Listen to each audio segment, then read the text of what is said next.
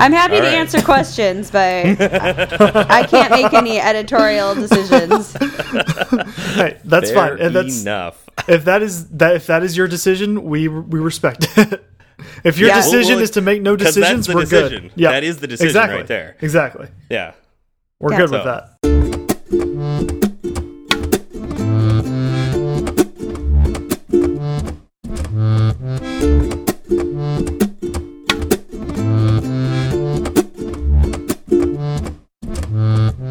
Hi, I'm Steve. And I'm Zach. And I'm Leah, and welcome to Fireside Swift. Hi, Leah. How's it How going? How are you doing, Leah? Great, great. I think that was a pretty good intro. Yeah. No, that was great. Oh, believe me, um, Steve and I have had some where we've forgotten our own names. So Yeah, I was I Congratulations. didn't forget the name of the show or my own name. I I know That's a win. you did a very good job, especially with us throwing a curveball at you, kind of last minute. Yeah. Well, I, well, I, I don't know. I, I think she threw a curveball at herself by running a marathon earlier today. So, I mean, that that Half marathon. half marathon. Well, half It's- of a full marathon. Technically half of a full marathon. Yeah. Yeah. So I think that was your own curveball. Um, you have to be pretty athletic to throw a curveball to yourself. yeah. Yeah. Um, I know. Uh, gosh, has that? I mean, that's basically like throwing the ball. The guy hits it, then you catch it. So I've seen that happen in baseball games, right? Well, that's I wouldn't call that throwing the ball to yourself though. That that Would is, you? you just in, injected another person in between so you, have to- and yourself. So it has to not hit anybody else, or there can't be. So what? You throw straight up then? that that would be one way to do it. Now you're now you're thinking like a developer. All right. So for those people out there uh, wondering why there's another person here on on Fireside Swift, uh, Leah, can you introduce yourself uh, and you know uh, say a little bit about yourself? Sure. Hi, I'm Leah Culver. I'm the co founder and CTO of Breaker, which is an iPhone app for listening to podcasts. And specifically, it's the number one social podcast app. Um, you can follow other people, see what they listen to. You can like episodes and share them with friends. And then we recommend good, uh, amazing podcast content such as Fireside Swift based on um, what people listen to and like. So um, it's it's much.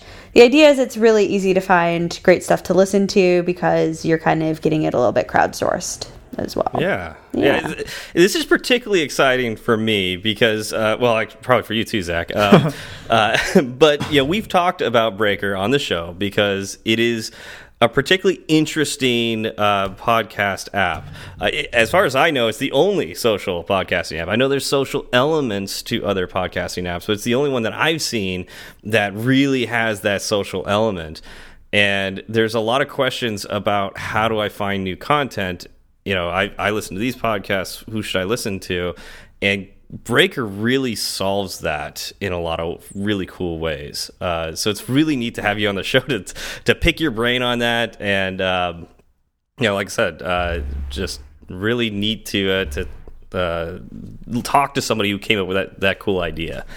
Yes. Yeah, yeah. Well, happy to ta chat all you guys want about Breaker or about Swift or any, really anything that comes up. that's that's awesome. Um, well, first I want to say, you know, I'm a huge fan of Breaker. I've said it on the show before. Now I get the chance to actually tell you personally. Um, I so when I when I first found out about Breaker, I downloaded it, um, and I thought about moving, you know, importing all of my podcasts that I subscribe to from the podcast player into Breaker, and I thought, you know, this is actually a really good time to kind of go back and look at what I have subscribe to and possibly change it in the future and uh, my my subscribed list is completely different now and i'm much happier with what i'm listening to thanks to breaker because i found uh, so much good content through the app itself and suggestions from other people Oh, that's great. That's Yeah. awesome. Yeah, thanks. I started when we started Breaker, like building Breaker, I think I listened to four podcasts and now I subscribe to like 200. So, Yeah, yeah. and everyone always wants to ask me what my favorite podcast is, but like I really listen to such a weird, wide variety of stuff. It's just like whatever I feel like like you know, I I respect like being dedicated to one podcast and listening to every episode, but I kind of just sample from everywhere.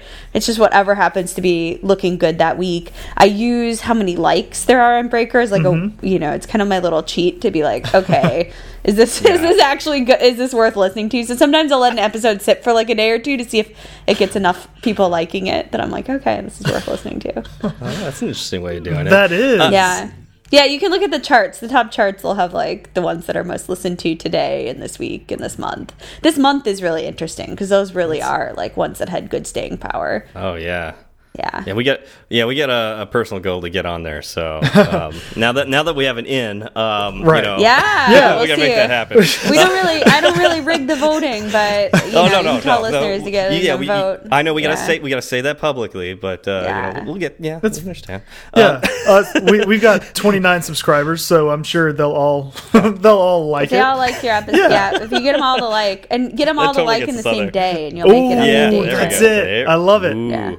See, now Um, that's the inside scoop that we needed.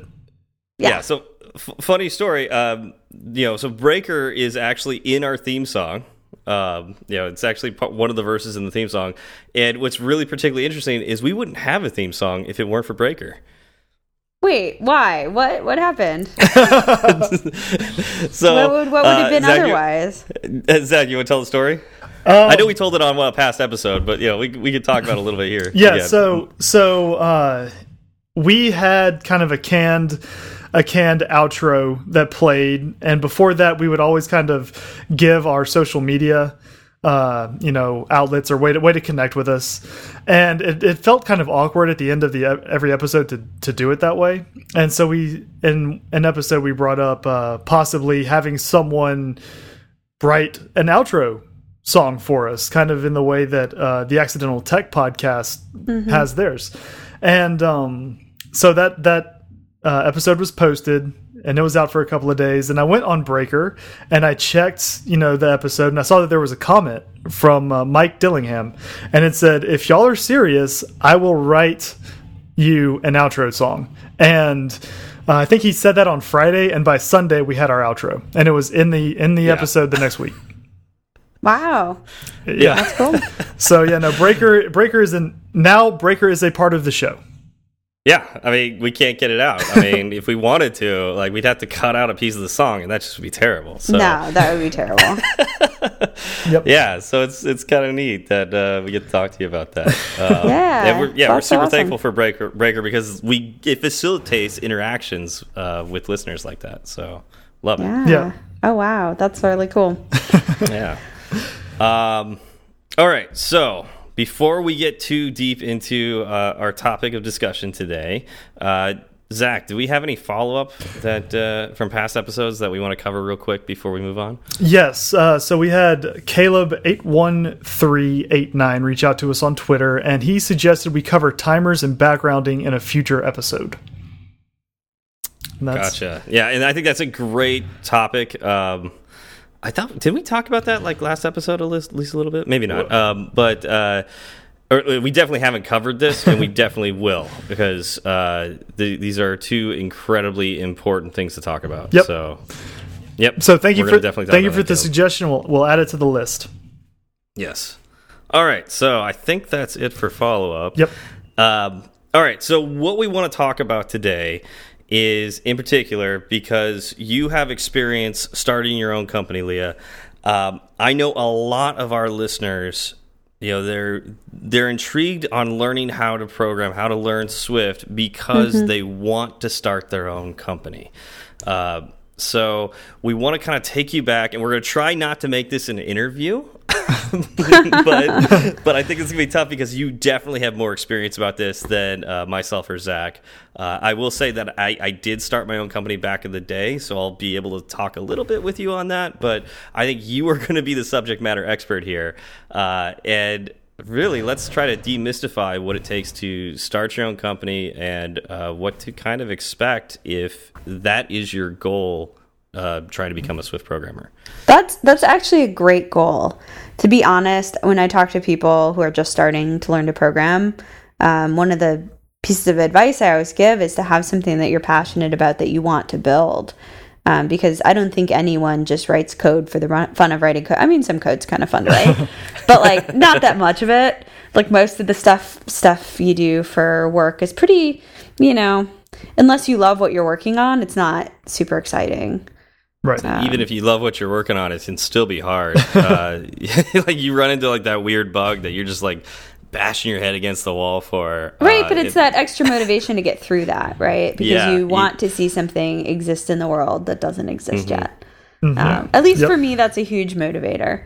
So, so do you feel do you feel like you need to have the goal in mind of a specific app or do you just want like can it be a valid goal to just be like i want to have a company that does app development um i mean if you want to be an app development shop for other people's ideas i think that's a legitimate thing to do um, one thing um, that I, I don't fully endorse is just quitting your day job and saying I'm going to start a company and then having no idea what you're actually going to do. And in fact, um, for Breaker, we did quite the opposite. So myself and my co-founder Eric, um, I don't know how many people know this, but it was Breaker was a side project for us. We both had day jobs um, when we started cool. building it, um, and we worked on it for about nine months before we quit our day jobs. So we we had a long time of working on it, sort of mostly on the weekend. I would say pretty much on mm-hmm. Sundays. So like at night, like tonight, like we're recording on a Sunday. Um, yeah. On a Sunday night, like right now, I'd be normally be working on Breaker, or back then I would have been working on Breaker. Now it's like my weekend, and I work on Breaker as my day job. But it used to be yeah. the opposite. It used to be what I did. Uh, now I record podcasts as my hobby. Now, um, yeah, of course, of course. yeah, that's, yeah. No, but that, that was that's, a great. That's a really, really good piece of advice because I think a lot of people think that uh, you have to stop everything to create a business, and you don't. Uh, you no, can do it. no, yeah, you can just totally do it. I mean, I had the luxury of having uh, some free times on the weekend, um, and that in itself is kind of a luxury. But having free mm-hmm. time, I, evenings I think is a little bit harder because it's hard to come home from a day of work and then do more work. Yeah. Um, but the weekends definitely, like I definitely had time to relax, but also then to work a little bit on our own projects. And we could have gotten a lot done faster had we been working on it full time. Sure. But we didn't, sure. there were a lot of unknowns. Like we didn't know, would this be something we really wanted to work on? Could we actually build it? Um, would people actually use it? We actually had about a couple hundred users before we quit our day jobs, and then we had thousands before we launched. So wow. we had like Whoa. a beta, a test flight beta. Um, I don't know how many. I mean, have, I don't know if you talked a lot about test flight. Um, on the show. Not yet, actually. Nope. We, we, we, we should. That should yep. definitely be a topic. So for sure. Write that down. Uh, yeah, yeah, we really haven't. yeah, it's it's a super valuable tool. I mean, I can talk about it in the context of developing startups, but it's a great way to get your project out there and into the hands of you know friends and family. Like I think our first users were like my sister and Eric, my co-founder's aunt. Well, like our two first, like, like it's just like anybody that you can get to try your software um, You got to start Eric's somewhere. wife, who was at the time his girlfriend, um, was one of our first users. yeah. So getting you know the people you're close with to be your first users. totally. TestFlight's great for that, and it's so easy. It lets them install your app very easily. They don't need to have Xcode yeah. or anything like that. Yeah. Yeah, that's we've used it for beta testers at my work right now, um, and I do remember the old school test flight was much more painful uh, because they would there was this email back and forth to make sure that you got their device UID into mm -hmm. uh, your your Apple. Now all you account. have to do is just put in their email address and it just sends yeah. it to them. You just need it doesn't even need to be their iTunes email address, just any email address, and I'll send them a link and they can sign up. Yep. So no, it's very yeah, easy. It's fantastic. Yeah. I, I, actually used it for uh, my app as well, and my my mom is the most tech illiterate person you will ever know and mm -hmm. she mm-hmm. was able to get it on her phone with only one call to me, which is for her that was that was very impressive. yeah, no, it's, awesome. it's, it's super easy to use. Yeah, so uh, I don't want to get too far away from uh, the talk of working on the side because I, you know, I'll, I'll, speak a little bit to my own experience with this. Um, when I was going to school to get my master's, uh, that's what I would do after class and after I had a little bit of time. Um, I worked with uh, a buddy of mine who was also getting his master's at the same school, and um, oh no, wait, he was getting his bachelor's at the time. Uh, then later he got his master's. But uh, we were working together on iOS apps, and we would just like on the weekends, you know, uh, tr try to finish an app and get it out there. Uh, we uh, and I continued doing that after because we weren't you know by the time I, I finished my degree I didn't have an app that was actually generating revenue to not work. So I got a regular job, and I would do that where I would work on the weekends, I would work on um, nights. I had a a pretty uh, you know it was with the the government, so it was like not a very demanding job. Um, what? So, so I didn't. So I actually could work in the evenings. I didn't. I wasn't brain dead by the time I got home. Wow. Um, Yeah, no, it's. It, but uh, I'm actually kind of doing the the exact same thing right now, which you know Steve Steve knows about, and I don't think anyone else does. But it, it's on a little side project, and it's it's lunches, nights, and weekends, and it kind of it helps keep me sane. Right, like I'm not I'm not leaving my day job anytime soon, but it, it is something that I feel uh, better about working on, which is how I find the energy and uh, time to put into it. Because it's like you said, Leah, it's something that I do want to see in the world. Yeah, yeah, and it's it's a perfectly valid thing to work on things on the side, and some of them work out, and some of them don't. But it takes a lot of the pressure off when you know it's just a side project. And then the next thing I would say is after you get it sort of there is is to really get those users, to get friends and family, and if you can convince friends and family to use it, um, and they and get you know, I thought what was interesting was by the time we launched Breaker, there were many people on on it that I didn't know. So like oh, that's neat. yeah, so having people that I don't know who these people are, like someone shared it with someone else, like it just I was like, okay, this is fine. that's Um, neat. Yeah, All right, Yeah, so that's a good I, I remember listening to you give a talk at AltConf, not this last year, but the year before, and I don't think Breaker was on the App Store yet. Where was that in the beta process? that's interesting. No, so I don't think I've given a talk at AltConf before we were launched. okay, so I definitely gave one after right launched? after launch. Yeah, we gave one right after launch. And what was funny, um, I think it was on user feedback. And what was funny is Yeah, yeah, it was. Yeah, it was on user feedback. I remember that. Yeah, Apple had sent us all this stuff that was like, we need your artwork to like, we thought they were going to feature us. And so we were like Uh-huh. so excited. Um, like we had to sign off on all this permission and stuff right before WWDC. And they sh- and so what happened was in the new app store, like the redesigned app store, there was like a there was like the icon of Breaker, but it was like way far down on the screen and was like just the little sliver of the top of it. So we had signed all this stuff to be like, yes, you can use our artwork, and then it was like this tiny little like sliver of the top of the Breaker.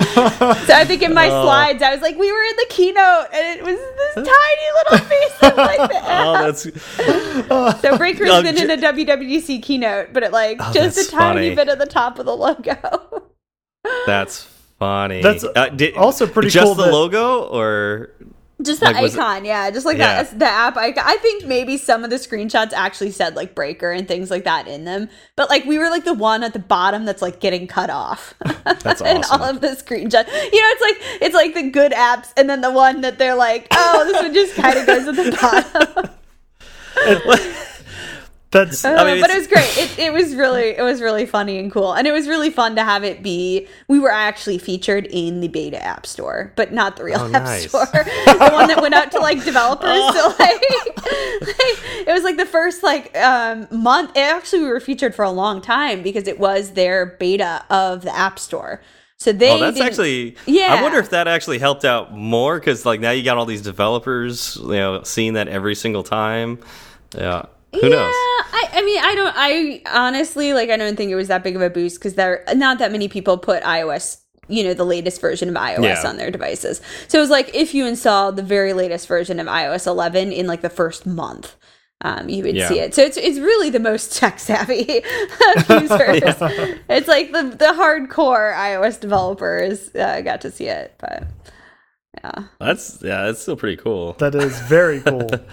Yeah, it's it's a funny story, but that's kind of a little bit of Breaker's history. Is sort of we're kind of up and down in the press. Like we don't we don't always have the the uh, you know we don't always land the choicest spots in the app store. well, it- you know, it, you know, to speak a little bit about that, uh, I I think. Do you feel like there might be a little bit of an unreasonable expectation that you can't be successful if you're not featured? Um, Um, you know, I don't think that's true. Actually, the most users we ever got was from launching on Product Hunt. So that hmm, was okay. for us more so. We we also got a little feature of like new apps we love when we first launched. Hmm, um, but hmm. really, it was Product Hunt that really got us all of our users because it's a community of people who are basically willing to try new apps. so it's a great place to launch something, and that's totally free. You know, and like you mm-hmm. don't have to. You know, there's no magic behind it. You just submit it on Product Hunt, and then you get people to upvote it. And if it's a good product, people upvote it anyways. Yeah, yeah, that's awesome. Uh, and that's really good advice. Actually, I didn't realize how important Product Hunt was. Oh, it's huge for new apps. Uh, Huh. If you can get in the top five for the day, it goes out in the newsletter. Oh, seriously? sweet. Wow. Yeah, Okay. you just got to be. I may have to. I may have to look day. into product. yeah, yeah. okay.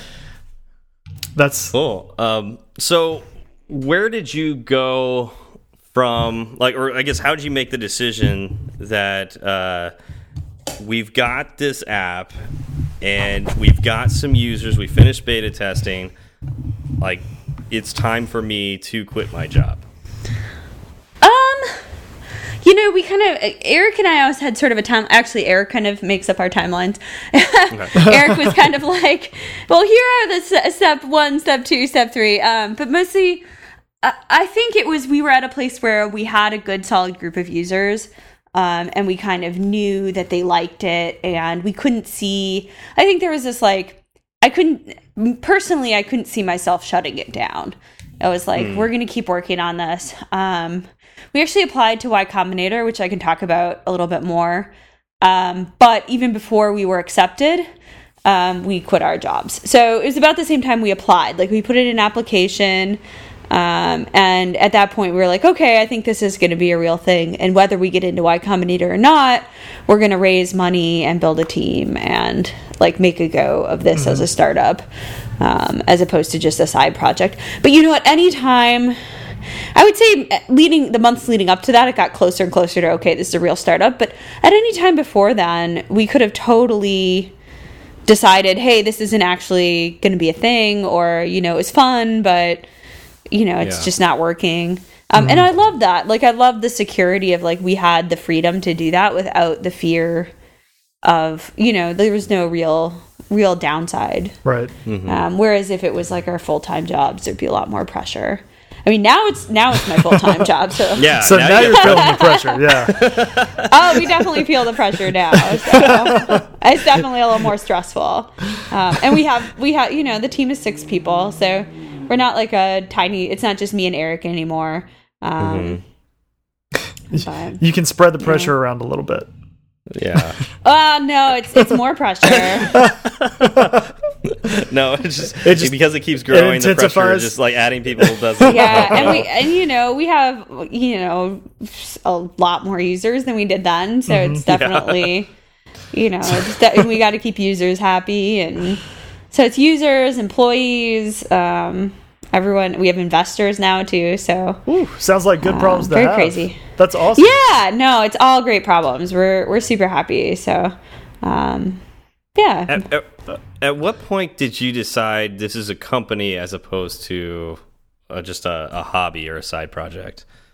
like I said, I think it was the users, like the fact that we had people Okay. using it and liking it. I, you So know, did you- I don't think you could ever really, like, I would never advise like doing a company without talking to users. This is actually something that Y Combinator talks a lot, a lot about too in their writing. Is like th- the most important thing you can be doing is talking to users. You learn so much about your product and what people want, um, and we did a lot of that, especially in the early days. We still do a lot of that. when when did you go like fill out the, like the paperwork to be a, an official company? Like a I don't, I don't know if you're. Oh, I I see what you're asking. this is a great. Oh, I see. I, am kind of getting the gist of the question now. I like didn't Yeah. get it before because the answer is That's, at the when last I decided. possible. That's when I decided we were a real company. Is when I filed the paperwork. Oh uh, you no, know, with we the- were a real company long before we. No, I've we filed the paperwork to become a corporation in order to open a bank account to accept Yep. the money that Y Combinator gave us. So like we Okay. lit- like we really didn't have a bank. We didn't have a corporation till like the Yeah. last possible second. like Probably it was like okay. we actually the have to do this. Oh, go ahead. Go ahead. Sorry. Okay, no, what you're saying? Oh, so like probably the funniest scene I saw uh, in Silicon Valley was in the the first season of that when he gets the check and he goes to the bank and he's like, "I'm going to deposit this check," and they're Uh. like, "That's made out to Pied Piper." You're not Yeah. Exactly. That's exactly how it works. Like that. It's funny because some of the stuff that happens in Silicon Valley is so true. Yeah. Like that is absolutely something that happens, and it should happen. In fact, Yeah. like it. It's a pain. In, it's a legal pain in the butt to set up a company. like if you can do something as a side project, and also here in America, you can be a sole proprietorship. It's legal. Yeah. I mean, Yeah. it it's tough if you get it if you get into some murky legal stuff. I wouldn't recommend being a sole proprietorship. But for like a consumer, you know, iPhone app, it's not. You you can definitely run those as like an individual. You don't need to form a corporation. Um, but Well, there's also the limited liability corp too. Like uh, that's that's easier to set up than a full corporation. Yeah, and honestly, like there's many options, but for side projects, just you know, I think the most important thing is just to build something um, and talk to users. Like build something. One number one, like build it. Number two, get Yep. people to use it, and then number three, form the company. Yeah. Um, In but that- one- one in of the that order. Like yes, this, this, this absolutely. bit me in, in, Form this the bit me in company so you can little put money in the bank or Yeah. accept money. For, like if people start paying you, then maybe it's time to you know Maybe it's time form to a start company. full Yeah. filing the paperwork. Yeah, I guess that's it. Yeah. Yeah, you don't you don't get the users until you write the code, and you don't get the money to put in the bank until you have the users. So and Yes. you won't get those until you write the code. So start with the code. Yes, But- but- is absolutely the order that goes in. So when people tell me like, "Oh, I want to do a startup," and it's like, well, you know, like there's mm, the actual forming of a startup is like step three, Yeah, right. and it took us almost a year till we incorporated from the time we started working till the time. So from the time No, I wrote crazy. to Eric saying, "Hey, I have this idea for a startup," to the time Yeah. we incorporated was a year, about a year. Wow, That's amazing. Yeah.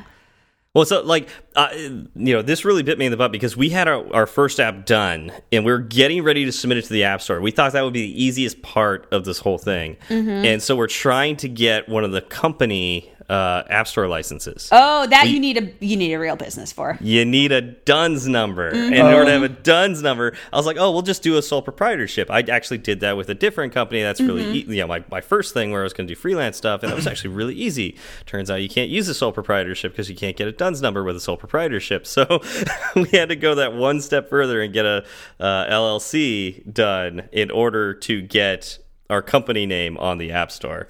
So Wow. that's yeah, that's one of those things that like that's how that's how it felt like with having the check and not being able to cash it like was we can't even put us on the app store because we can't get a license until we are a real company. Yeah. Yeah. I mean, anytime you're submitting an app for the first time to the App Store, even if you're making a large update to an app, there's like a lot of lead time um, just to get all the legal stuff done with Apple. Um, but Oh, yeah. I think as an individual developer, can't you submit stuff right away? It's just if you want to Oh do yeah, yeah, company. yeah. You can. If you yeah, I could have done it under my name, but yeah.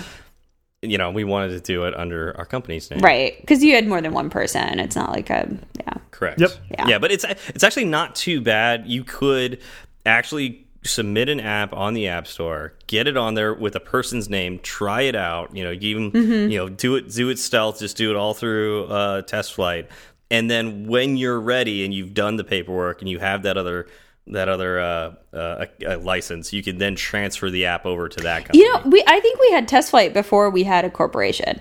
So we had test flight for a long time before the corporation. Like we had a company. How did we get a company Apple account without a corporation? yeah, how did you? How did I don't you do know. That? I don't know. We got a company Apple account. I don't know. Oh no, we didn't. It was on my personal account. Never mind. you I go. lied. It was on No, my you personal just, account. you just yeah, you did it. But we used test flight through my personal account, and then oh, I remember this now. We had to switch everything over, and it was a huge, huge. Like I was like so scared. I was like, "Is this gonna work? Can we switch our app over?" I think I ended up just doing a build and submitting the new build with the new certs. Okay, I was thinking that would work too. Yeah, that totally definitely works. Yeah, just Yeah. submitting it with new certs. Um, so we actually Yeah. have that old account. Oh my gosh, I should go find that app. like you can see Breaker like V zero zero dot zero. Like Oh, that's awesome. Yeah, it's probably still that. in existence. It's not in the App Store, but it's like in test flight. Yeah, but check out test flights. Yeah, th- Yeah. that's oh, talk I about think it's history. That would be expired now. It's, amazing. it's probably out of I love flight. looking at my old apps every so often, Yeah. like uh, and just like running them again to see like if they still work and how, you know what was I you what was what did I value back then from a interface perspective and whatnot. well, see, we didn't have a designer for a really long time. Um, Yeah. so, and we kind of just made do. Like, I, you know, I kind of did our design, which is terrible. Um, and so we ended up hiring a designer. Her name's Emma. We hired her about a year ago.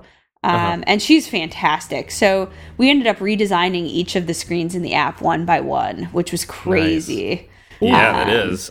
yeah, so we didn't do a full redesign. We just did every single screen. But every time we'd redesign a screen, we'd add new features or we'd like Yep. make it better and clean it up. Yep. Um, so Yeah. Breaker over the past year has gotten like 100x better thanks to Emma and um, being able to sort of develop new stuff on top of what Well, we already I, I love the interface, so that's she's definitely doing a good job. oh, thanks. Okay, we'll give a good shout out to Emma. All right. Yeah. Please do. Please Um, do. Yeah. What tools did you use when you were getting started out? Did you use like Sketch or uh, Photoshop or Illustrator or anything like that? So when we did our first really early days, I just used a lot of the built-in iOS components. So everything was just a very standard. I said a tint color, Gotcha. but beyond picking a fun tint color, pretty much Yeah. everything was just standard. And then when we got Emma, um, we actually used Figma for design. Figma. I haven't even heard of that. yeah, what's that? Yeah, it's exactly like Sketch, very Okay. similar, but it's web-based. And you can do things, so you don't have to send files around. It's on the web, so you, we can That's share nice. it between teammates, and we can leave comments. So you can like little put little pinpoints in things and like write comments. So if like I have a question about how to build something or like how something functions, I can leave a comment for Emma and she can reply to me. Um, we do it a lot when we need icons. It's like, hey, I need this icon cut. So, uh, so yeah, so we it, it's a lot of like back and forth through Figma, but Figma is like a design tool. It's very much like Sketch. It's it's super hot. I would recommend checking it. It's the new hotness here in Silicon All right. Valley. I'll- so I'll have to check that out. Uh, web based Yeah. scares scares me a little bit because I I don't know I still feel like web based stuff tends to be just a little bit slower than uh, an actual it's Mac really. app. But I'm so impressed by how good it is. Okay. It is really amazing what they've done. Like I, it's it's probably to me the most complex web app that's out there right now. It's like pretty impressive.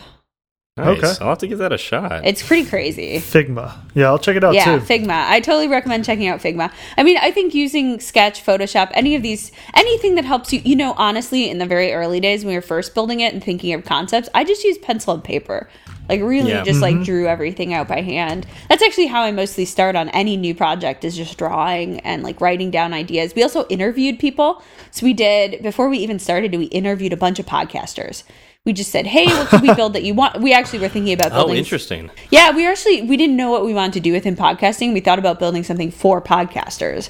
Um, like we knew we wanted to be in podcasting, and we were trying to figure out what it was. Um, and and podcasters said to us, "Hey, we just want more listeners. We want exposure." I know, right? We we don't want an easier Yeah. worklo No, or No, No. just get us No, more. we just want more make listeners. it your job to get me more people. Okay. So that's that's a huge part of Breaker, though. In the end, is the reason we wanted to make an app that's easier to use was not just you know to get users of Breaker. It was to get more people into podcasts by making it mm-hmm. seem more contemporary than mm-hmm. a lot of the podcasting apps. So it's a trendier, you know, newer podcast app, and through that, being able to sort of surface the best content for people to listen to, and some of it isn't the most you know mainstream.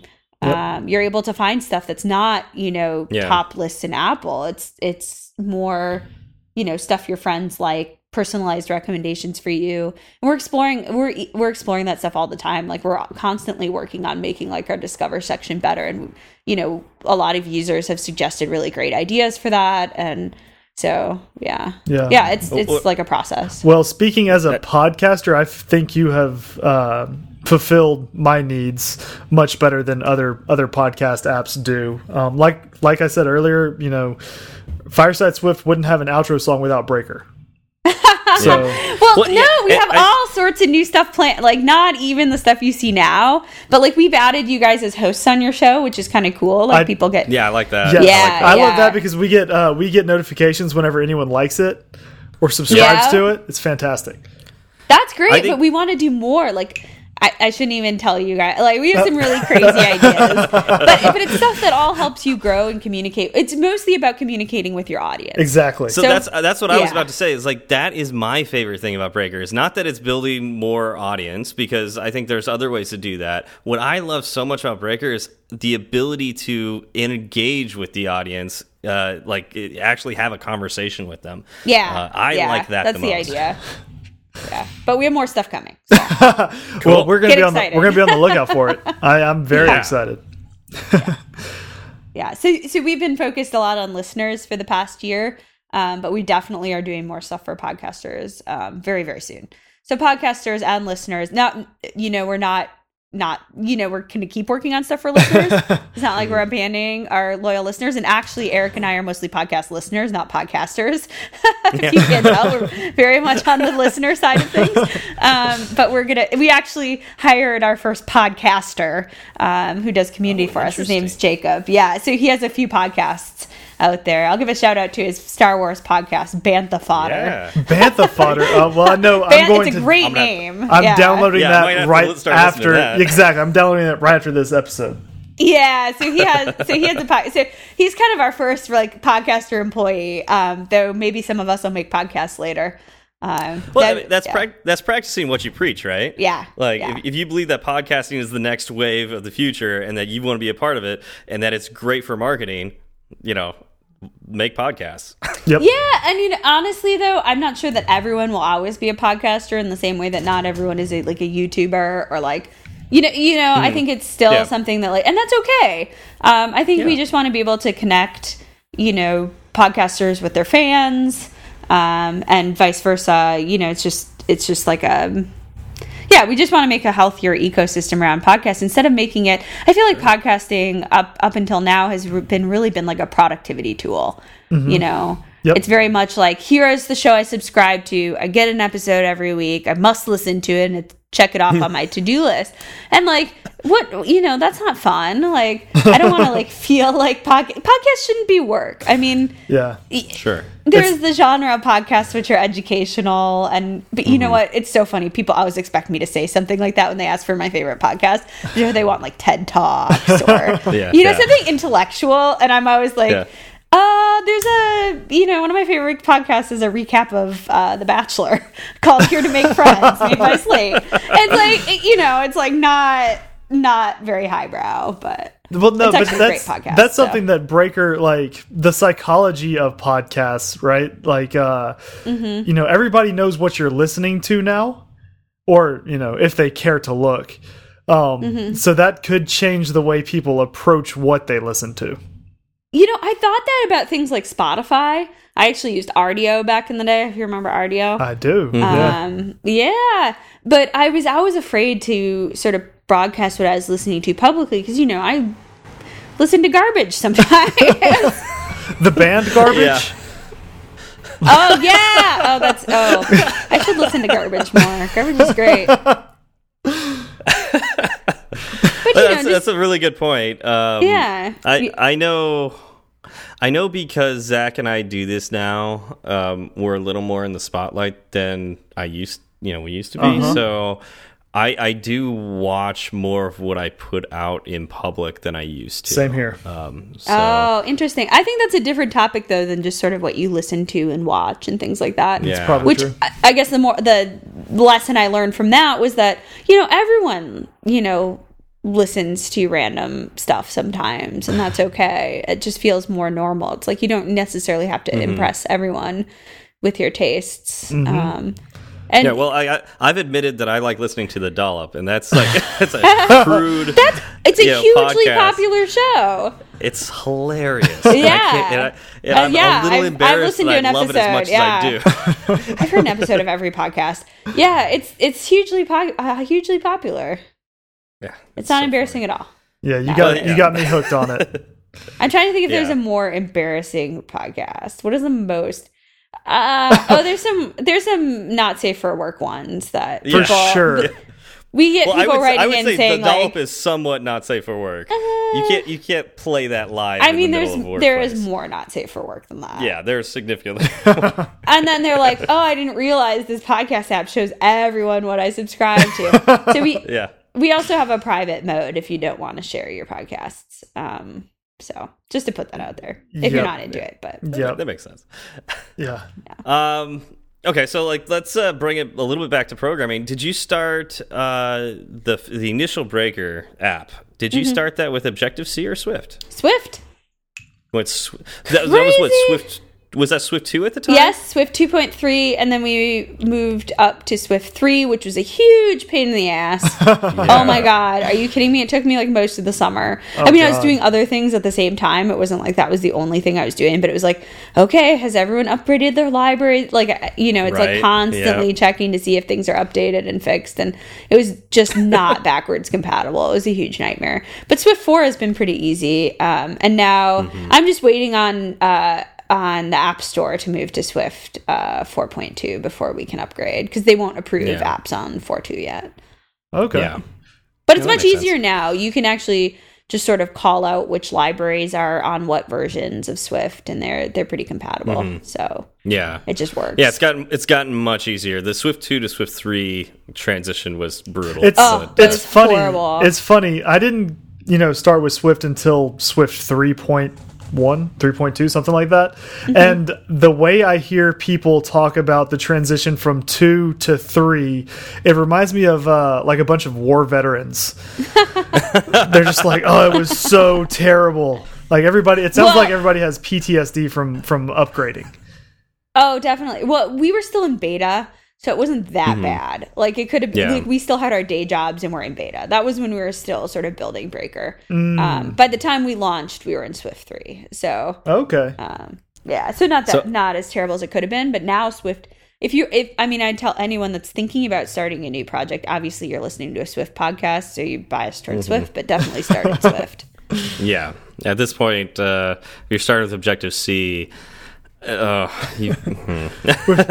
you, you, you might be a little bit behind the times now. yeah. Well, Um, Apple's kind of decided that Swift is the the wave of the future, so I think Yeah. it's, you know, I mean, Yeah. we were really, I th- I would say Breaker was still very early when we chose to use Swift. Oh yeah, if you were Um, starting anything that you think would be production in Swift two, you were a little early, and I, I did the same thing. I so with the, the company that I'm working with right now, uh, I was rewriting some of their apps in the you know back in Swift two because I thought. Okay, so it's stable after Swift one, right? and and so I started writing all these complex apps in uh, in Swift two, and uh, yeah, that really bit me when Swift two to Swift three was such a nasty change. Yeah, Um, so Yep, I did the same thing. yeah, but that was the other. It was a side project, so at the time, you know, it was more fun to work in something that I was like excited to learn and work with Totally. than, you know, I didn't have to be su- super focused on business concerns at that time. Yeah. I I mean these were actually production apps that were on the App Store. Uh, so it was actually yeah. worse for me because it's like we want to do an update, but oh, it's going to take me a week to update Oh this. no. it's like added new features, but we got to go to Swift 3. Uh, yeah, so that wasn't fun. Um, So uh, Cool. When you Um, oh, started, go when you started Breaker, when you created the project in Xcode for Breaker, was it did it start as a single view application? Like you know, uh, you open Xcode, new project, single view application. Yeah. Yeah, what doesn't what doesn't start as no? You know, it might have been a tabbed application, but same thing. yeah. Okay. Yeah. It's uh Yeah. it's just it's easy to lose sight of that as an outside developer. You know, like uh Mm-hmm. all all well most of the apps you, apps you use started as a single view application, right? Like the most intimidating thing is a blank sheet of paper. The Oh, I can tell you exactly what is- we we built Oh, right really? from the start. Yeah, what, yeah, what- yeah. Let, let's hear it. Yeah, so so I'm someone like I'm very you know I just ran a half marathon. I'm always someone, but you know like you like we were talking about it takes it takes a bit of training like you got to work yourself up to it i'm very much mm -hmm. in the mm-hmm. like you know do one mile after another kind of person mm -hmm. um like you're not going to instantly i mean i i even told you guys we just redesigned breaker over the course of a year right so yeah you know it's not like breaker as it is today was magically just like sprung forth in a day um, I wish. But yeah, that would be great. but but sometimes it looks that way, right? Exactly. Like uh, from an outsider's perspective looking in, all we see is the update, and all this stuff changes. Like, wow, they did that in a day. No. Yeah, no. So Breaker, we've done about a release every week, week and a half for the past two years. Wow. So it, it's definitely been a, a longer journey.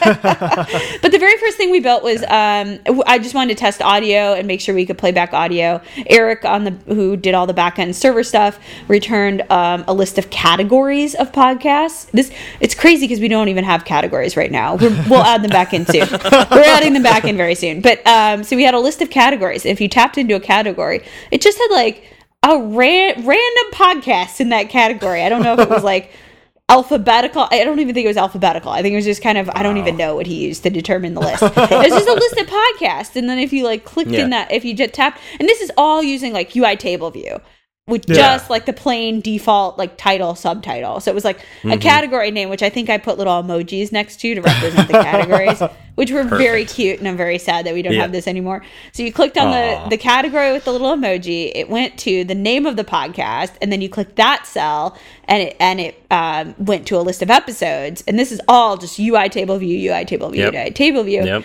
um, in a navigation controller. And then you pressed you pressed on an episode, and it would play and there was no way to even stop the episode as far as I know. oh, you got to be committed. You got to be committed yeah. when you start. yeah, you're gonna choose that episode, and that was the first version of Breaker. That was like the first thing we put in TestFlight. Was like. This list, and yeah. maybe you could, you know, honestly, I bet there was a way to stop it. It was like you tap the cell again and it would stop.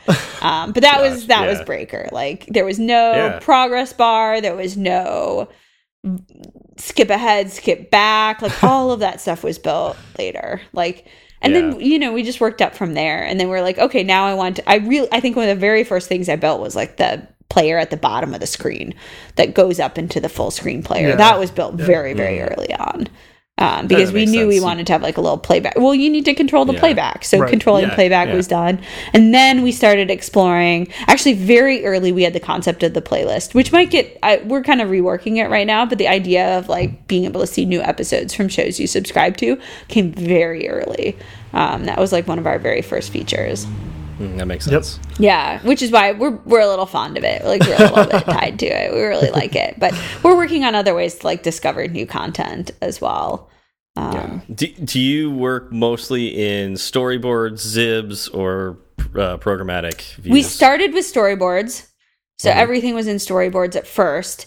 And then I think this is how every everyone I've talked to that's built more complex iOS apps, it goes from storyboards to individual xibs or nibs or what mm -hmm. what, what whatever you call them. Um, mm -hmm. and then from there you start writing more and more custom code. I wouldn't you know, I'm actually a huge fan of Interface Builder. I think, especially for designs like Breaker, where we have a lot of visual icons and elements mm-hmm. on the mm-hmm. screen, placing all of those by hand in code um, just is a waste of time.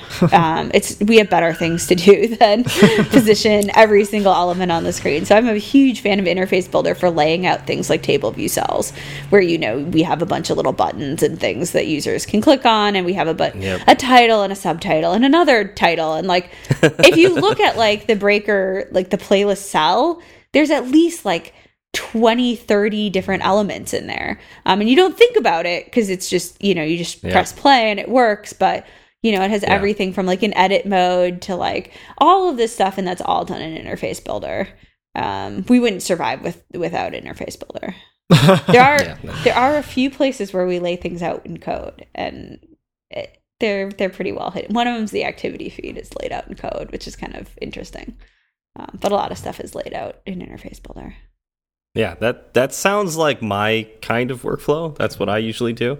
um, and that's literally, I think, the progression that I went with as well. Like, I loved storyboards, but once you start adding a team together and you start mm -hmm. getting a more complex view, man, uh, especially if you're working with one other person, they're trying to commit stuff to Git, and now you gotta rectify the changes in your storyboard every single time. Yeah, uh, yeah, and honestly, like the way we've broken up work at Breaker is having people work in different nib files. Mm-hmm. Yeah, that's totally yep. true.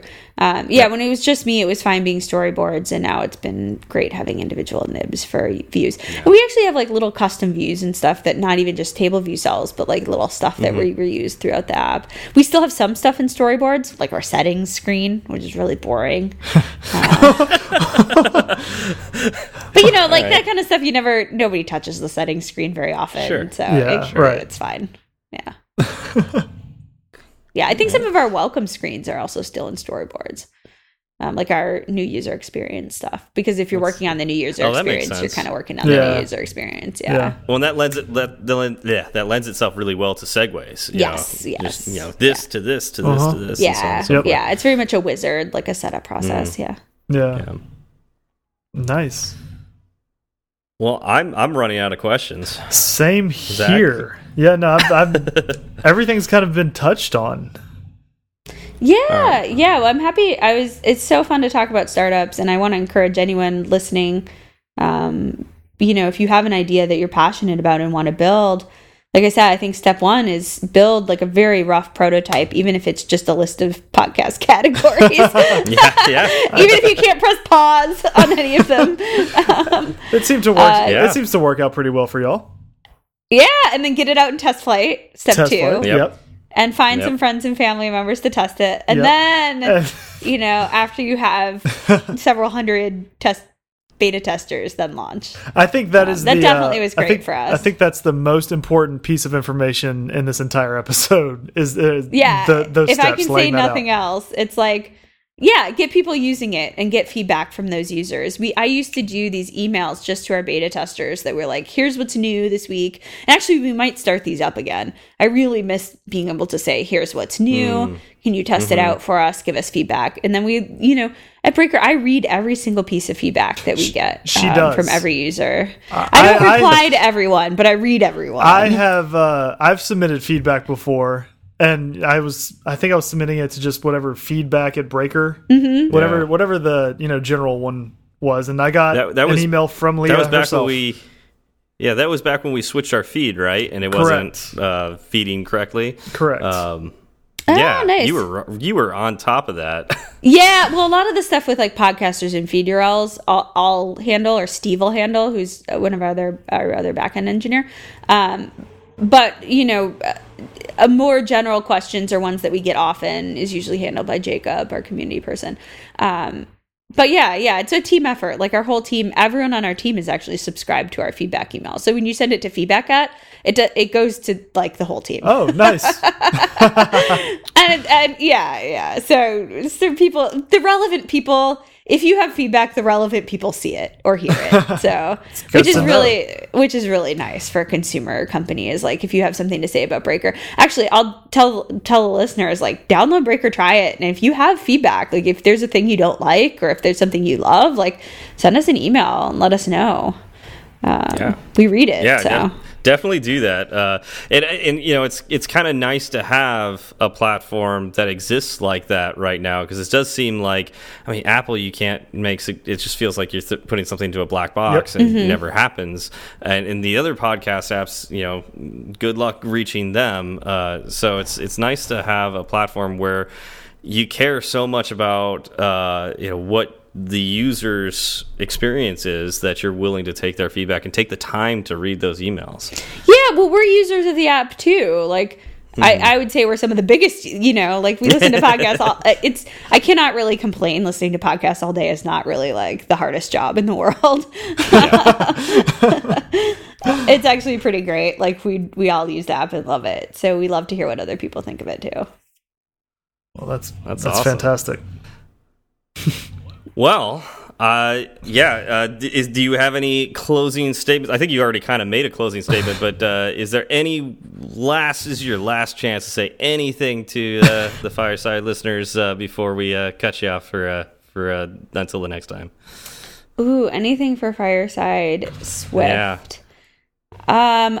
Okay, one more little piece of advice, a thing I love, and I don't know. Do you guys love guard statements? Yes. Oh my god, I love guards our, so much. I think our very first terrible episode that uh, no one should go back and listen to was about was about optionals, and Steve professed his love for guard statements. I hadn't used them that much. He has, well, obviously, since convinced me to use them, and I think they are amazing. Well, one of our big philosophies at Breaker is never crash the app. Um, It's a good one to have. Yeah, so force unwrapping optionals by using the exclamation point is a big no no at Breaker. Um, we, I don't, Same with Event Farm. Mm, so I can't. There's probably like one or two lines of code in the entire code base that do it, maybe none. Um, we don't force unwrap optionals. Instead, a lot of the times in the UI, we'll use guard statements at the beginning of a function to ensure that you know we have the the variables we expect are are going to be present, and then try and handle gracefully anything that fails. so if something isn't there, well, a, a lot of times it's just like return and don't do anything. Um, but we'll we actually do error logging. Um, we use Crashlytics now. We've used Sentry in the past too. I think we use a mix actually of Sentry and Crashlytics um, to to log errors. But if you need to log an error, um, or if you need to change, we, uh, like our UI is very progressive in a way that like in in the sense of like a progressive web app, and that if something fails, it still sort of renders. Um, it just doesn't render perfectly. Um, so I guess that's the one thing I wanted to mention is, um, especially for newer developers, like don't force unwrap your options. I guess you covered that. Don't- yeah. You covered that in episode one, though. So hey, it, it can be it, it, it can be repeated. I think it could be probably Yes. repeated every episode. It's that important. Yeah, we, we, we, we call that exclamation point on Fireside the YOLO operator. Oh my god, don't use the YOLO. No, I like YOLO. That's the thing is like I totally buy into YOLO. I just you know, I think so like don't call it YOLO. But but let- let's let's examine the YOLO statement. You only live once, so that doesn't mean jump out of airplanes and stuff like I that. No, you should be closer- scared. You only have one life. I Don't- think it's don't closer to hold risky my things. beer. Like you're gonna do something actually hold my beer, watch this. if you do that. hold my beer. Yeah, Oh, I think it's like hold that. my beer, which im- implies you're gonna do something stupid. Yeah. Oh, I think that, that, that is closer, but that doesn't have quite the ring to it. But yeah, well, maybe we'll change it to that. That's Hold great. my beer. the the hold my we beer. can call it the uh, HMB. Yeah, operator. YOLO's a little operator. shorter. It's HMB. Yeah, operator. YOLO Yeah, sounds to get, better. get, getting to love the guard statement is pretty important for Swift, and something I hadn't really encountered in in many other languages, because it's mostly a UI thing and a typed language thing. And Mm-hmm. not every not every language is very UI focused or very typed. But I've started using it a lot now um, in React too for web. So not not I mean obviously it's not called guard, but sort of the same concept of you know fail fast if you don't have the Yeah. data that you need. Um, K- Kotlin has something called an Elvis operator, and you don't get a guard with it. But one of the things you can do is after, like you know, with the uh, what's what's the question mark question mark called? Zach, do you the remember? nil coalescing Swift? Oh, it's yeah, nil coalescing operator. So that's the Elvis operator in Kotlin, and you can do more than just provide a default value. You can actually tell it to return after that or continue or something like that. So i- instead of a guard, you do that in Kotlin. Ah. Interesting. yeah. So That's very cool. yeah, it's kind of nice. Yeah, I sometimes wish the nil coalescing would let, be a little more powerful. Like yeah, sometimes like I'll want a to. closure back there or something. Yeah, I want to do like a lot of string manipulation using nil coalescing, Mm-hmm. and instead I have to not use it because I have to do Yeah. other stuff with the string. And so it's like, Yeah. eh, then I actually have to just check if it's nil, which kind of is not Yeah. as it's not as exciting. like I want to use it more because it looks cool. So I'm always disappointed when I have to do like a equals or doesn't equal nil. Yeah. Yeah, I, I still use it all the time, but uh, yeah, there are times when I probably shouldn't use it, and should, probably should just look at you know whether or not it's nil or not, and do something completely different. But meh, tis life. Yep. All right, so uh, Zach, do we have any shout outs? Uh, we do. We got two more five star reviews on Apple's podcast player. Uh, we did get a few new subscribers on um, Breaker, but I just don't remember who they were. Uh, so Caleb. We need we need to start calling that. We out. we do need Yeah. to. We do need to because I would like to grow our audience on there. Obviously, I'm a huge fan of it. Um, so Caleb eight one three eight nine, you might remember him from the beginning of the show, uh, left a five star review and says he really enjoys the show and uh, that we make topics we cover easy to understand and follow, which is what we're here for. Yeah, yeah, exactly. Uh, and then we got a, another one, right? Yep. Uh, this so, like you just said earlier, um, don't listen to our old episodes because they sound terrible. Yeah. But uh, yeah, I'm gonna get his name wrong. Adnan, Adnan Emil, I would say yeah. Adnan Adnan Emil. Yep. Uh, yeah, he says he listens to older podcasts uh, while he's working on a particular topic, uh, just so he can get a better understanding of it. So that's really cool that he's like using the this podcast to go back and reinforce knowledge. I just wish we had better quality back then. so- Same here. Sorry, Adnan. Well, I mean, it's kind of like the Breaker app itself, right? Like uh, Leah said, you know, they started with a bunch of table views. I I started recording this podcast with a tiny mic balanced on the edge of a desk, and things Yeah. have changed since then. But but but the difference is with Breaker, like the whole app got better through that you know through the year of the redesign, that's true, right? yeah.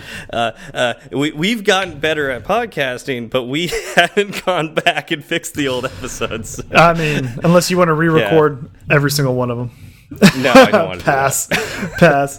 Hard Emma, pass. Emma, and Leah have much more dedication than we do, yeah, and I'm okay with that. No, no. I mean, it's it's a different thing. It's like each episode versus sort of, like, yeah, yeah. It's, it's software is very different than things that you put out as, in sort of like serialized content, uh, in good and bad ways. Like actually working Mm. on software, like the bugs just never end. It's never True. Mm-hmm. like you're done working True. on it. Whereas like you've put out an episode and you're done. You know, Yeah. for for good or bad, the episode is out there and it's it's done. Yep. Exactly. we have a, we have an excuse for not going back and working on it. Right. Whereas software, we're expected to always keep it up to date and fix it, Yeah. and security fixes and bug fixes and add new features and redesign every time Apple puts out a new UI design. Yep. Yeah, You know, if you Yeah. guys remember the drama over iOS 7 back in the day. yep. Yeah. remember And then iOS 11 a little bit, but not as much. Yeah, yeah, it wasn't as bad because going going to that flat design from Skeuomorphic was a big change. Yeah, yeah, it really, really changed how people viewed iOS apps, and and you know it. It's good and bad that we get to revisit our apps all the time, but sometimes it's nice Mm-hmm. to just have something be done. Right. Yeah, that's actually why I like working in the event space because, like, my the job I my jobby job is uh, I work for an event tech company, and we oftentimes will do a project for a particular live event, and it's kind of nice when it's that and not our normal products that we're just continually iterating on because you have a deadline. Right. like mm-hmm. you are either ready or not ready by the time that event starts. And when that event's over it's over. Like you can't go back and fix it. So it's kind of nice. Yeah, a lot of pressure though but mm-hmm. still right. Right. Well, there's give and take. yeah, yeah. Just different. just different. Yep well leah how do we get a hold of you if uh, we want to get a hold of you Sure, you can follow me on Twitter at Leah Culver. Um, on Instagram, same thing at Leah Culver. Um, you can reach out to me on Breaker. I'm at Leah on Breaker. Um, that's that's those are pretty much the best ways to follow me right now. Awesome. Yeah, and really, thank you so much for coming on. Yes. Uh, really enjoyed talking with you. Uh, great experience. Uh, that uh, you know, just the wisdom that you're giving us of of what you did and what a lot of us want to do. So, thank you. Yeah, that's awesome. I hope I hope you guys both do some startups in the future. I hope listeners do as well, um, or even just side projects. I mean, like don't don't knock having a side project. Right. Well, it all starts It's somewhere, right? Yep. Exactly, li- Yep. little baby steps, right? Little baby steps. That's awesome. Recording your podcast with a microphone on the edge of the. Yes. Yeah, that Yeah. was it was actually on a notebook that was balanced on the edge of the desk. and we were we were living dangerously. Yeah, Yeah, we were. yeah, but you got it done and you got it out there, and, and that's all that matters. Yeah, I think we did. We just surpass a year now. I think. I Oh, think we you know what? This this might be Should we be Should we be celebrating a year now? this might be the year. Yeah. this this episode might be the the anniversary. Wow, Wow. happy birthday. Thank you. Thank you. That's why we brought you on, Right. Leah, just to celebrate. We wanted to the- celebrate the in style. one-year anniversary. Woohoo. All right. Well, thank you all for coming out, and we'll see you next week. Y'all have a good one. It's such a good feeling to be at the end. A happy feeling that there may have been a mistake or two. So we'd like to hear from you. Twitter's great, Breaker might beat it. Email's fine, but we rarely read it. But we love five star reviews, and we promise to mention you. So get a pen and write this down. Just kidding, who's got pens around? Still, they'd love to hear from you. Steve Berard and Zach Falgout. Tweet at Zach and have some fun. At TFALG, or you do one. At TFALG, or you do one. He'll write back when his work is done. Tweet at Steve and you will see clever use of the emoji at SWB. E R A R D. Fireside Swift has its own handle, so you can burn three sides of the candle at Fireside underscore Swift. At Fireside underscore Swift. And if your message is a little too long, there's firesideswift at gmail.com and firesideswift.com. Firesideswift.com.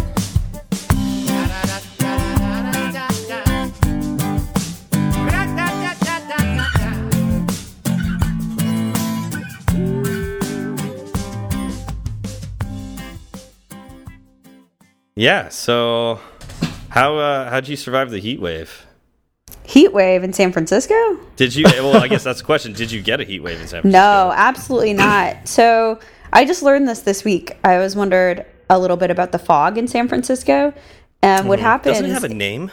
yeah, Carl the Fog. You can look Wait, him up on Twitter. There's seriously? a Twitter account. Yeah, Yeah. Yeah. makes lots of jokes. uh, but So you- Carl the Fog is kind of a beloved fog. I mean, I'm pretty sure it's only his name is only Carl because of the Twitter account. But I, I, I, oh, have you asked him? that's a good question. We should ask Carl the Fog why his name is Carl. Yeah. Uh, I mean, but it'll probably just be like, well, why is your name whatever? So that's that's kind of how Carl rolls. Carl's Carl's a little um he's a bit of a joker. So well, it kind of makes sense. I mean, he's gloomy most of the year. You know, you got to have like a little bit of humor, and if that, if he gets it out of Twitter, you know, that's that's the right way to do it. yeah, so the way it works is like anytime it's warm inland, it pulls the fog across San Francisco. So it's been foggy all day today. Um, It's pretty much very foggy in San Francisco when it's really hot everywhere else. So it actually is the opposite. It's very cold here right now. What's Um, but then Mm-hmm. in the fall, when it gets cold everywhere else, it's really hot here oh because there's no okay. fog. Yeah, and you're used to the fog, so you have all like all your clothes and stuff are geared for this clammy cold weather, and then all of a sudden it's dry and warm. Um, kind of. I don't know. I I mean, I've lived here for twelve years. I you know, it's at this point I kind of know what to expect. All right. Wow, that's that sounds good. Last Monday here in Austin, it was 112 degrees, Oh my gosh. Jeez. which is slightly warmer than what we're used to. yeah, you know how what it was in San Francisco? Fifty four Are today. you kidding? yeah. oh no. So it's like fall here. So I I- mean, it's 54 is uh, probably around Christmas for us here. Mm-hmm. so That's, my- that's my winter parents- weather. My parents came to visit yesterday. Apparently, it was like 109 where they live, uh, but they came to, to visit me because it's actually pretty cool here. Uh, I think it right now it's 70 degrees outside, uh, and it was probably a high of maybe 75 today. So it's pretty nice here. That uh, yeah. I, Uh, last week, last week I was in San Diego, and it was a little warmer. It was like 80s. That's that sounds Nice. incredible. Um, we actually, it, it does. It sounds fantastic. The we actually our weather forecast is going to cool down to the mid 90s on Tuesday. Um, I think we've had like 15 or 16 triple digit days in a row, probably more than that. Wow. Is that is that typical of Austin? Oh yeah, last year it was something completely ridiculous, like 60. We had 60 Yeah. triple digit days in a row. Yuck. It's, it gets face meltingly hot. It's so our summer is like um, kind of the North's winter. You know, when it gets to like minus 30 in North Dakota and such, everybody just stays inside. When it gets to 112 degrees, you know, people tend to stay indoors more. Yeah, no, that makes sense. Uh, so, Leah, you've you've been in uh, you said San Francisco for twelve years. Where were you before that? I grew up in Minneapolis, Minnesota. oh, speaking of North. Yeah, very cold weather. Yeah. So, yeah, really trading in that snow for fog. Um, uh, did do you ever picture moving back to a place that gets massive amounts of snow? No. Nope. You're done with the- it. I was Okay. expecting that reaction. yep. No, no, not going back. I've got I've got a friend who's from uh, Buffalo, New York, and uh, yeah, that's that's pretty much his reaction. Uh, yeah, Yeah. feet of snow. Oh, No. that sounds awful. Yeah, I, I, I can't honestly. I've never lived in a place that gets a lot of snow, uh, so I never had to do the, the shoveling out your driveway or anything like that. I, I lived in Wichita, Kansas for a while, and the winters there they freeze. You, you know, you get ice on your windshield, and so you have to solve that every morning. But yeah, I've never had to shovel snow before. It sounds awful. It does. Yeah, I don't think that's the worst part. I think the worst part is that you can't really be outside in the winter in Minnesota. It's not like a pleasant snow that's kind of warm. it's like you really want to spend as little time outdoors as possible. Um, Yeah, that- or you that know, makes you get frostbite and things. So yeah, it could, it could kill you. Right. Yeah. Yeah, you, you start and losing does. fingertips and stuff. actually, Minnesota winters kill more people than most natural disasters. Are you Um, kidding so- me? Yeah, no. The last time I was just recently home and there was a blizzard and it killed 14 people. Like any other natural Oh. disaster that happened, What? like even a flood or something, killing that many people is pretty impressive. Uh, but that's like a regular weekend in Minnesota. It was like, Holy crap. yeah. Well, it's mostly elderly folks. Um, Yeah. Yeah. yeah. Yeah, How but many it's like, people do you think Carl the Fog has killed? ooh, that's a good question. I bet there's been at least a few. There has to be I mean, some. what, I mean, he seems like a shady character. Yeah, I mean, maybe aviation related, Uh, maybe not. yeah. Uh, I know in Alaska there are laws, like particularly in winter, if somebody's broken down on the side of the road, you were required by law to stop and help them. Is that the same thing in Minnesota? not that I know of, but there is laws in certain cities, especially in Duluth, where mm-hmm. if you're going downhill, you have the right of way. So if Oh, oh you don't God. have to stop at a stoplight unless you can. But if you can't stop because it's too icy, you have the right of way. So you won't get in any trouble if you're in an accident for going down an icy hill. That sounds. I mean that that sounds insane. Nor- Yeah. normal traffic laws don't apply to Duluth. Yeah, yeah. I mean, it wasn't so bad in Minneapolis. It's not as hilly, um, but I did have I had to use it one time going down a hill um, in very icy weather, and I had to just go through this the red light because, and uh, you know, I just laid on my horn and was like, I can't do anything. I just have to go. The car's not stopping. yeah, like I'm Oh. I'm trying to brake, but that's not happening. So That has, that that, is- had to feel completely unnatural too. It was super scary. Luckily, there weren't many cars around, so it was pretty. I think there might have been like one other car, so it's not not a big deal. Man. yeah, this is uh I mean, I, I know people will like. I've got family in other other states and whatnot, and they'll they'll bag on California a lot. Um, but man, we don't have to worry about stuff like that that often. yeah yeah it's pretty crazy i've also completely driven off the road from ice before too which is kind of around a clover leaf which was kind of scary Whoa. i was like Wait. ah clover leaves Uh, are not a great idea in icy places no, it's just a giant turn. yeah, you just go right like you, you just go right off the edge Uh, uh. Yeah, normally one of the components of having a successful clover clover leaf is friction. I, mm-hmm. ice takes that away. Yeah. Oh, It's an often I- I overlooked ingredient.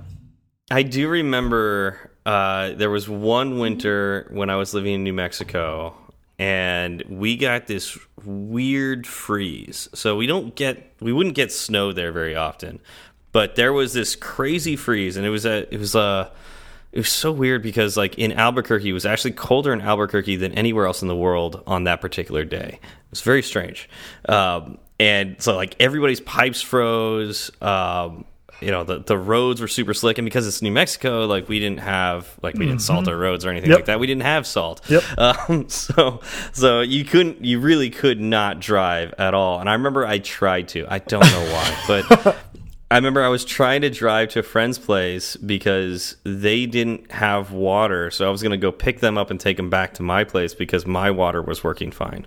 Um, but there was a little hill, like the, the smallest hill. Like I didn't even realize it was a hill before this this uh, this event. And I remember trying to drive up it, and I was going 15 miles per hour, and then I was going 10, and then I was going five, and then I was not moving, and then I started sliding backwards. and that was one of the most frightening experiences I've ever had driving. Yeah, because once you start sliding backwards, you don't have any control at all, and so Right. I actually started like st starting to turn a little bit, and oh, it was just did not feel good at all. And then I worried about getting home. And that's that's what I was saying. You know, a, a car. The idea of a car implicitly, you know, it implies control, Yeah, right? Like you mm-hmm. get behind the wheel and you should be controlling that vehicle. But at certain points, under certain circumstances, that just isn't possible. Yeah, And so you go from, you know, your idea of what a car is to this new reality in this, you know, two second window of time. And then you have to deal with that reality immediately. Mm hmm. Yeah. Well, a- and going back to fog, I also remember when I was I, I went to Fresno State for a while, and I would work in San Francisco, and so we would drive from Fresno to San Francisco, and that drive often there would be so foggy you couldn't see somebody like 20 feet in front of you. So that's that's really scary on the highway when you're like, I think I can go a little faster, and then all of a sudden you see brake lights right in front of you. Uh, see, that, is that Carl up there? Does, does Carl? That- that- that's Carl. I think it's like Carl, Carl's cousin or something like that. Maybe, you know, sister-in-law. I don't know. sister-in-law. really mean, whoever that was. the, the fog in the San Joaquin Valley is awful. Yeah. Yeah. Jeez. I have I have another I have another question for you, Leah, from a, a tweet that I saw you post today. Um, you Sure. ran you ran the second half of the San Francisco Marathon. Oh, I see. I was going to bring did that I up in the did show. I read that? Well, no, I I'm just I've been thinking about it all day. I was like, I need to ask her about this because what like how do you run the did you was there is that official? Like did they sell Yes. Okay. Yeah, so the way the San Francisco Marathon works is most most marathons they'll do like another they'll do like a half marathon and a full marathon. Right. The San Francisco one they have two half marathons and a full marathon. And you can either run the first half, and it's basically like they split the marathon in two, and you can run the first half of it, or you can run the second half of it. And they kind of all start at different times too. It's not like you're like running with the marathoners, so it's kind of weird. But I figure since they already have the course already closed for cars and from cars and things, Mm-hmm. they just reuse it. So they're like, okay, well, and they have so many people that run it that I think it probably helps to have two separate groups of people. Right. Um, Well, that's smart. It. That's smart. Yeah. Um, Yeah. so you get to you get to basically pick your course then, or is it just a, a yeah, big you get to pick between two. Yeah, and when you register, you get to pick which one. And the first half is the more popular because usually it goes across the Golden Gate Bridge. It didn't this year. Oh, okay. um, but because they had to reroute it due to like safety concerns, which is a whole nother story. Ooh, um, but so this year it went through Golden Gate Park a little bit more and did like a loop, but it's a more scenic one. It's like along the Embarcadero. It's like where the tourists want to be. um, so that one actually costs, I think, like twenty dollars more than Oh, wow. the other one. so the second half is cheaper. Um, and it goes through like more local neighborhoods. So it goes through like the Haight and the Mission, um, Dog Patch. So like kind of like places like only locals like really hang out. um, it's cheaper. And it starts a little, it used to start a lot later. It used to start several hours later than the first half. Now it starts uh, just like 15 minutes later. So it's later. Okay. It's locals and it's um, cheaper. So, and it's all downhill as opposed to being well, Oh. mostly downhill. It's like Oh, up and down well, a little bit, but it's more downhill. you get to pay less and run downhill. Sign me up. I know, I know but which no one I would it still doesn't sell out because everyone wants to do the all the tourists want to do the first half. Oh, Makes Um, sense. no, yeah, no, it, so- no, it doesn't. So no, I've it only makes Put sense me to on me. the downhill. I, I can see that. so I've done the second half marathon twice, and I've never done the first half I'd, I'd be I'm with always you. I always like the cheaper and downhill. So Thank you. Thank you. I'm right there. Yeah, yeah, it's a good deal. Um, I've run the full once too, so I have run the first half of the marathon as part of like the full marathon, Oh, okay. Um, yep. but I haven't run it by itself. so the only time you ran the course is when you were running an extra 13.1 miles. Yeah, that year I did both, so I've never done the first half without doing the second half. So when you do the um the full marathon, because you technically ran the other two races, I think you should get Mm-hmm. 3 medals personally. Yeah, I think you should get the full the first half and the second half. Yeah, that makes sense. it's right? a lot of medals. You know, I don't even collect the medals anymore; they're so heavy. so like. Every time they want to put the medal around my neck after I ran a race, I'm like, no, I just ran a race. I do not want to wear a medal. No, I don't want anything around my neck right Yeah, now. I want like sense. less less weight, you're not right. more. like Yeah, just take this yeah. away. This uh, makes so I, no cl- I collect the bibs instead, like the paper bibs, because those are those are they're smaller and lighter and things. So people collect the medals, but I collect the bibs. That's again smart. Well, So- I also have a tiny apartment, and I would, there's no place to put all those medals. I hear that. Well, yeah. oh, I, you I- keep- I feel your pain there. It sounds like you need a trophy case. How many of these have you have you done? I, you know, I don't know. I I could probably go back and have, I've done three full marathons that I know, but halves halves like a dozen probably. So Okay. quite a few. That's I did that's Austin one year, so Oh, I've run really? Austin half. Yeah, Okay. um, yeah. I, yeah. trying to think of any other. I've run in a bunch of different states, so that's really uh, cool. Yeah. But like I said, I've done the Sa- San Francisco half twice.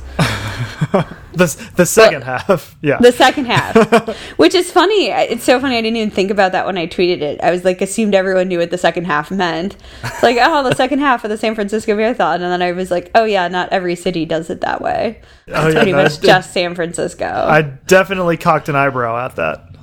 Yeah, I could have just been San Francisco half marathon, but that's not even technically true because there's Right. two other half marathons here at different times of the year that are technically the. San Francisco half. So this is the full marathon, the San Francisco marathon, and that's the first half and the second half. then in the spring and in the fall, there's a whole nother series of marathons, and they actually call theirs the first first half and second half as well. So it's very confusing. Wow. Um, yeah. There's. I Yeah. wasn't. I wasn't confused, but I think I am now. So I, I did not realize how confusing the marathons in San Francisco were. I There's a lot of them. There's like one every month. There's the Giants one, the Kaiser Permanente. Like there's every. Wow. There's so many races in San Francisco. It's it's a big running city because the ch- the temperature's great. Right. Um, it's always Yeah. nice and cool. Oh yeah, That's- yeah. That's a good point. That is. Yeah. That, that's great. Yeah. The most the most I've run officially is a 10k, um, and after that I thought, you know what? I think a little over six is perfect for me. I don't need an extra 20 miles at the end of this. Uh, the training uh, that goes into it, it's that's that's the part that really gets me is uh, the hours of dedication and training you have to put in to do something like a half or a full marathon. Yeah, I've been I've been running pretty much full time for six years. Like Oh wow. Almost. I mean, not every day. It's probably four to five days a week, That's great. three I- to five I- days a week. Something. I like used that. to run, and I don't know when I got out of it, or but like once you get out of practice with it, it's really hard to get back going again. No kidding. Yeah, I never got out of practice. Well, I think the mistake people make is they finish running a race like a half marathon and then they stop running. Take a break. Um, yeah. And that's a bad idea. Like, yeah. Yeah. I think taking a break for a day or two is fine, but you should treat it like any other run. Yeah. Um, Yeah, that Yeah. I ran that 10k last year, and after that, I I ran a couple of times, you know, in the following weeks, and then I thought, you know what, it, it was one of those things where I had all of the prep leading up to the 10k, did the 10k. I wanted to kind of stay in shape, so I kept running a little bit. But then I thought, I don't really have anything planned in the future. I don't really you know care about having anything planned in the future. I knew I should have kept running because you can't make snap decisions with running. You know, uh, it's not like something you can just get up off the couch and then go run a, a marathon. Yeah. Uh, But I didn't. but I didn't, and here we are today. yeah. And it's one of those things I always tell myself it would be great. I need to get back into it, and I'll, uh, you know, I'll. I'll hop on the treadmill at work every now and again, but I don't do it with the regularity I need to. Yeah, mm-hmm. I know. T two years ago, I used to after work every day run out on the beach and just run down to the pier and run back. And I was st starting to develop a habit, and then what killed it was the the end of daylight savings time. Oh. and so it became because it, used to be great. Like I would run in that last hour of sunlight, and then that that hour shifted. and so so then it was like all right so if i want to do this i gotta leave work at four o'clock to start running. It's like that's that's really awkward. So No, it's fine. yeah i could have but or just start going in the morning. That's that's really the thing. I need to Yeah. start doing working out in the morning Yep. you know that kind of thing. It's tough to do. It very much is. yeah. Habits habits and all that. Well I, what i find amazing is you so you knew you were going to run this race leah. Mm-hmm. you you also knew you were going to record this podcast. Yeah. and you didn't tell us at all. We could have moved this to a different day you, you're probably exhausted I am. I am going to go to bed right after this. So, Oh no! Oh man! yeah that's that's what blew me away when i saw that on twitter I'm like wait a minute wait wait wait wait wait wait wait what Uh huh. That was that was my second thought after. What does she mean by second half? Uh, was Yeah. wait, we're recording tonight. Yeah. because that was that was actually the first half of the marathon this is the second half of the marathon Yeah, the recording, marathon recording session. yeah I mean, I was gonna send you a medal, but you just told me how much you don't like them, so I'll probably just I could do something in uh, Microsoft Paint. Yeah, this pen and that's just fine. shoot it over to you. I, I survived. Fireside Swift, something like that. Yeah, I think it needs to be in the show notes. yeah For sure. Oh that's great I think you got to give it to every guest too after this. I, I think what we need to do works. is actually get patches printed out. Uh, I survive fireside because like that's what with the new logo people wanted patches. So yes. we Oh, should that's do like a special patch for I survive being a co-host on Fireside Swift. That's And It true. give kind of that to all goes the with like a campfire theme to have like patches. yeah exactly. exactly Exactly. Yeah. It'd be like a little merit badge. And those would be really rare. There'd be only uh, would be. only four of them. Four four of them right now. Four. Yeah.